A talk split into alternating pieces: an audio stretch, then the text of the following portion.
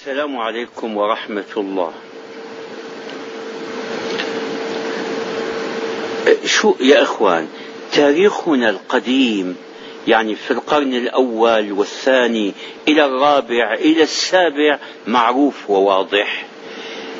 تاريخنا القريب يعني في القرن الماضي قبل مئة سنة وقبل مئة وخمسين سنة هذا في أكثر البلاد يكاد يكون مجهولا. لا سيما البلاد التي تطورت. هلا أكثر البلاد تطورا؟ البلاد العربية أنا أعرفها تقريبا كلها. كلها تبدلت كلها تطورت كلها توسعت توسعت. لكن البلد الذي يعني ضرب كما يقولون الرقم القياسي في سرعة الانتقال والطفرة العجيبة هذه المملكة هنا. من جميع النواحي من الناحية العمرانية. أنا عندما نشرت في ذكرياتي ما رأيته في طريقي إلى مكة لما جئنا من البر مرينا على القريات ومرينا على تبوك وعلى العلا ثم وصف المدينة ومكة. وجدة الذي يقرأ ذلك الوصف. هذا كان قبل اثنتين وخمسين سنة نصف قرن ما هي مدة طويلة. ويراها الآن لا يكاد يصدق. ما رأيته أنا ورآه أمثالي ممن هم في سني ومنهم يعني قريبون من من عمري هذا سينسى. الشباب ما يعرفون ذلك فالذي أقترحه أن يعمد كل أديب إلى كتابة ذكرياته. أحيانا أقرأ في ما يكتبه أخونا الأستاذ محمد حسين زيدان يعرض لي شخصيات ولي يعني جوانب من حياة المدينة المنورة وغيرها في تلك الأيام. يعني الصورة هي تكاد تنسى.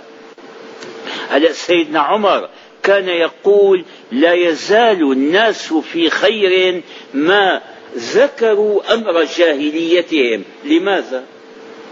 لأنه إذا ما عرفت كيف كانوا لا تستطيع أن تقدر ما إليه صاروا. هلا يعرف آه، الطفل لما ولد ويعرفه وهو يحبو ويعرفه لما راح للمدرسة الحضانة ويعرفه ثم يراه الآن يحمل الشهادة الكبيرة العالية ويحتل المنصب السامي ويملك الأموال الطائلة. هذا ليدرك مدى ما طرأ عليه من تطور. فالذي لا يعرف جدة كما عرفتها أنا أول مرة. يرى بلدا مثل سائر البلاد مثل لو رأيت شابة من الشبان ما أكثر الشباب. يعدون بالملايين. لكن إذا عرفته وهو صغير وقارنت بين الحالين تدرك الفرق. هلا جدة هذه. أنا عندما أقول لبعض يعني من ألقاهم من الشباب من شيء أنه جدة كانت محصورة ضمن السور ما أحد يصدق. طولة كنت أقول لكم طولة وعرضة كيل واحد. مكة كانت تنتهي عند إدارة البريد. المدينة المنورة لما كان حولها السور يعني اكتبوا مو فقط وصف المدن من الناحية العلمية. من الناحية العلمية. أنا لما جيت مكة أول مرة كان فيها مدرسة اللي بيسموها الصولتية هذه اللي أنشأها وعمل على إنشائها عالم كبير جدا. هذا الشيخ آه، آه، آه، رحمة الله هذا اللي عمل ناقش الكبير النصارى في الهند في مناظرة علنية وتغلب عليه و يعني صارت له منزلة ثم انتقل استقبله الخليفة العثماني. هذا جاء هنا أنشأ أقدم مدرسة فيما أعلم أنا. سماها نسبها واحدة اسمها صولة النساء. طبعا نسبة إلى الكلمات المنتهية بتاء التأنيث تحذف. هو قال الصولتية بعدين مدرسة الفلاح. ألا أليس من الواجب أليس دينا في أعناقنا أن نكتب عن الرجل هذا محمد علي زينال؟ هل أنشأ مدارس الفلاح في وقت لم يكن فيه غيرها في جدة وفي مكة؟ تخرج منها جماعة من الأساتذة الكبار صاروا أساتذة فيها صاروا مدرسين في الحرم. أنا قابلته قبل ثلاثين سنة كاملة في بومبي وبقيت يعني معه أياما تاريخ التعليم. هذا أول مدرسة أنشئت فيما أعلم أنا للبنات في هي مدرسة النصيفية الشيخ محمد نصيف. هذا أيضا من الرجال الذين يكتب عنه. يعني قصدي قبل أن تنسى قبل أن تنسى أوضاع هالبلاد هذه قبل خمسين سنة. من, من أين نعرف الفرق بين ما كانت عليه وما انتهت إليه؟ والله لو أن كل أديب في كل بلد عربي في مطلع هذه النهضة من نحو قرن أو قرن أو 150 سنة لما بدأ العرب يتنبهون و يعني يصحون من نومتهم الطويلة لو أن كل أديب كتب عن حياته وعما شاهده وعمن رآه من الناس وعن مشايخه وعن تلاميذه وعن الحالة الاجتماعية في بلده. كم كان كم كنا نجد الآن تحت أيدينا من كتب كبيرة فيها ثروة لا تقدر.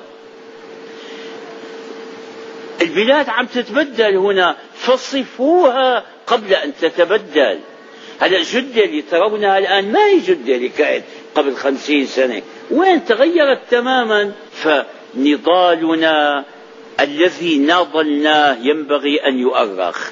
أوضاعنا التي كنا عليها ينبغي أن تكتب وأن توضح. فضائلنا التي فقدناها هذا الماضي المشايخ يعني بالسن الشيوخ العجائز من أمثالنا أكثر بيقول لك كان الماضي أحسن وأنتم لا ما كان أحسن على الإطلاق.